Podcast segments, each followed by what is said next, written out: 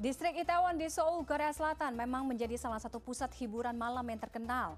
Sejumlah restoran dan klub malam ada di Dong Itaewon dan selalu ramai pengunjung. Kawasan ini bahkan menjadi salah satu lokasi syuting drama Korea Itaewon Class. 뭔 짓을 해도 상관없어. 원하는 거 다 이루면서 살 거야. 조이성 IQ 162의 천재 Pencinta drama Korea, Anda mungkin masih ingat dengan serial yang satu ini, Itaewon Class. Drama seri yang ditayangkan di layanan streaming berbayar pada 2020 lalu dibintangi oleh Park Seo Joon dan Kim Dami. Sesuai judulnya, serial ini mengambil lokasi di Itaewon, salah satu distrik di kota Seoul, Korea Selatan. Kawasan ini disebut-sebut semakin terkenal setelah menjadi lokasi syuting Itaewon Class.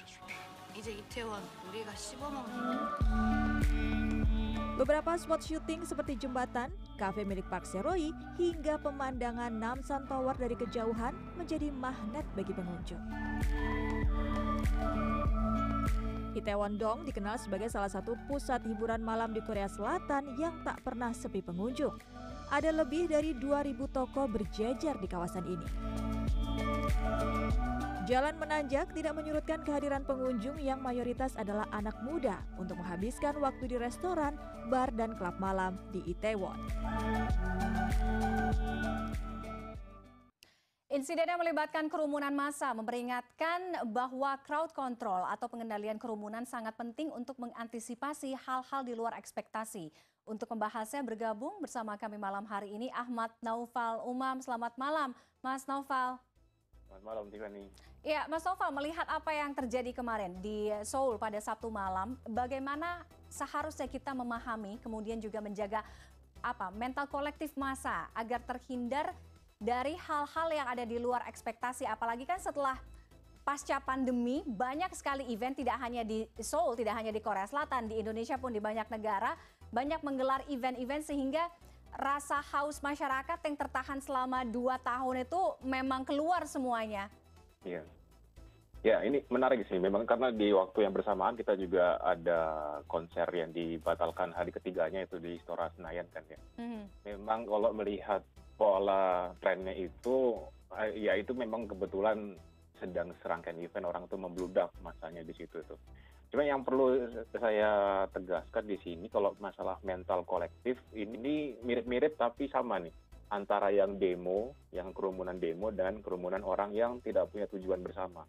Kalau demo kalau orang punya tujuan bersama emosinya kolektif. Maksudnya cara berpikirnya sama, ada trigger yang sama, ada ada apa namanya ada musuh yang sama ada pemicu yang sama biasanya di situ jadi kalau ada terjadi suatu kerusuhan biasanya clash atau agresi sedangkan kalau yang di acara seperti di Kanjuruhan terus kemudian di Itaewon dan di uh, beberapa konser yang sempat memakan kas- uh, korban jiwa seperti ini Mhm. itu uh, orang berkumpul pada waktu bersamaan tanpa tujuan yang sama ya. Bukan ada ini bukan ada apa namanya tujuan kaos gitu loh. Ada, ada cuma pengen senang-senang bareng. Nah ini kejadiannya adalah sering kali bukan sebuah emosi yang kompleks itu ya. Yang saya lihat itu adalah ada trigger di saat orang overcrowded dan di Mhm. situ nggak bisa escape di situ. Komponennya selalu tiga nih. Satu tempatnya itu nggak memungkinkan orang untuk bisa keluar. Kemudian ada trigger dan trigger ini bermacam-macam di setiap kasus. Terus kemudian orang tidak bisa dimobilisasi. Trigger ini kan bayangkan nih kalau misalnya ada satu tempat orangnya sudah berkerumun jadi kayak suatu apa ya benda, eh, suatu zat yang padat di sini ada satu trigger tuh zatnya itu akan mau meledak itu kayak petasan. Mesiunya mau ke mana-mana gitu. Kalau nggak ada tempat yang bisa mengkonten atau nggak ada aliran keluarnya ya sudah dia meledak di situ. Atau kasusnya akan korban jiwa. Kasusnya macam-macam loh. Misalnya Hmm. kalau di kemarin kan ada yang saling dorong mendorong di beberapa kasus crowd crush sama stampede itu triggernya itu misalnya ada yang teriak ada yang pegang senjata atau ada yang pakai pepper spray waktu lagi padat gitu kayak yang sini di Taiwan di kasus di Amerika ada yang pakai pepper spray untuk melerai orang berantem Hmm. orang pada berlarian jadi crowd crush ada korban jiwa juga trigger triggernya itu seakan-akan simple tapi karena itu tadi dipadukan dengan faktor orang berkumpul dengan tempat escape yang terbatas ya Hmm. sudah satu trigger kecil terjadi efeknya domino terus Oke. kemudian mereka berdesakan dan bisa nafas seperti itu ini lebih pada survival instinct di tempat yang membuat kita itu berdesakan dan akhirnya kehabisan nafas alih-alih daripada emosi marah bersama seperti di demo atau aksi kolektif itu yang terjadi biasanya. Oke, em, eh, kalau begitu pengendalian pengendalian massa, pengendalian kerumunan atau atau em, crowd control seperti judul kita malam hari ini, ketika berhadapan dengan massa yang kadang kalau mungkin di dalam satu apa di dalam satu kerumunan itu cenderung um, impulsif atau mungkin mereka tidak bisa berpikir panjang dan juga rasional. Nah, bagaimana em, crowd control yang seharusnya, Mas Noval? Crowd control ini jauh terjadi, seharusnya jauh terjadi sebelum acara itu ada. Misalnya kalau kita mau mengumpulkan orang, kita harus paham kapasitasnya.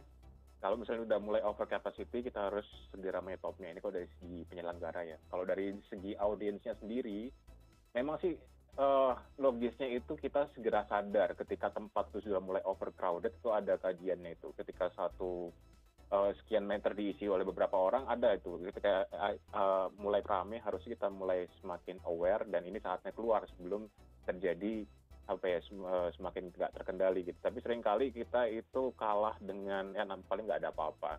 Paling eh, bisa berjalan selancar biasanya. Atau sayang nih saya udah bayar kalau nggak Hmm. sampai dinikmati sampai terakhir ya sayang gitu. mending mending mending di stay di sini apa yang terjadi nanti ngikut alur aja jadi dari kedua belah pihak tuh harus sama-sama sadar cuman ini juga nih eh, perihal crowd ya ini selalu harus ada pengaturan sering kali ini eh, stampede sama crowd crush itu terjadi kasusnya pada tempat-tempat yang nggak terduga yang di mana Iya, di situ iya. memang nggak ada aturan atau flow control dari masanya di India waktu festival keagamaan di sebuah jembatan isinya 20 ribu orang langsung ke sana semua ada yang isukan jembatan ini mau rubuh langsung mereka panik kalang kabut nggak ada Hmm. crowd control di situ atau misalnya dalam konser-konser yang nggak siap dengan over capacity atau di Taiwan yang ini kan nggak ada penyelenggara ya ini kayak Iya, misalnya iya. orang tiba-tiba ngeruduk kemang gitu aja nggak ada organizer nggak ada apa gitu orang nggak Oke. tahu flow-nya itu harus ke mana ke kanan ke kiri keluarnya ke mana nggak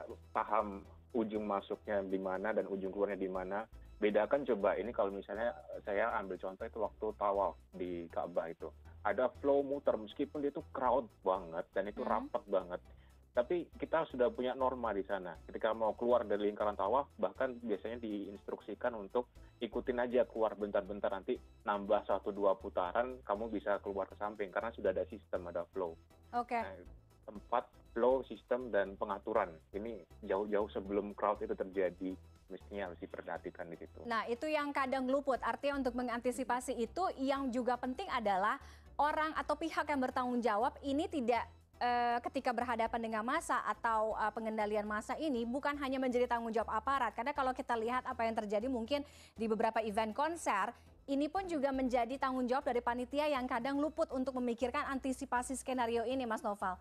Betul. Ya seperti itu juga ini ya kalau dari kita sendiri nih kalau misalnya sudah itu panitia begitu terus kemudian eh, pengendali acara keamanan seperti itu kita sebagai audiens di sana itu juga karena kasusnya sudah mulai banyak ya ini mungkin kita harus mulai belajar norma baru ini Oke. kita harus segera sadar kapan saatnya udah mulai meninggalkan venue ketika udah mulai overcrowded. Yang lebih kelihatan overcrowded itu sebenarnya pihak ketiga ketika mereka lihat kita dari jauh. Kita yang Hmm. ada di stage itu agak susah, tapi dengan ini semoga bisa lebih aware ya. Sama ke mana pun kita berada selalu perhatikan jalan keluar dari tempat tersebut. Jangan sampai kita ngalir ikut arus terjebak aja di situ. Kemudian juga ini eh, mungkin saya tipikal orang yang tidak ini ya nggak nggak suka mengejar keramaian atau FOMO seperti itu. Tapi saya ya saya juga bisa paham bagaimana orang itu merasa nggak mau rugi atau ngerasa harus dapat keuntungan. Tapi pertimbangkan inilah eh, kalau kita mau mengejar satu kesenangan kita harus paham resikonya juga. Ketika ditimbang-timbang resikonya apakah worth it untuk stay di sini ketika situasi sudah mulai memanas? Apakah worth it untuk misalnya ini nggak cuma di crowded ini ya, crowded di keluar parkir misalnya. Baik. Nah, habis waktu satu jam untuk keluar parkir ya kalau siap dengan resikonya ya kita harus bersabar di situ. Dan kalau misalnya kita cuma mau enaknya saja dan jadi egois di sana, ya mending dibatalkan saja rencana untuk bergabung dalam kerumunan itu. Ini pertimbangan dari audiens juga perlu diperhatikan di situ. Baik, terima kasih Mas Noval uh, sudah bergabung dengan dialog kita malam hari ini di CNN Indonesia Connected. Selamat malam, sehat selalu. Oke, usai jeda kita akan kembali dengan Anda mungkin yang masih keinget mantan padahal udah putus. Sama mungkin kayak Unmesh ya. Seperti di video musik terbarunya bertajuk Putus Tapi Cinta. Sesaat lagi. Memang putus cinta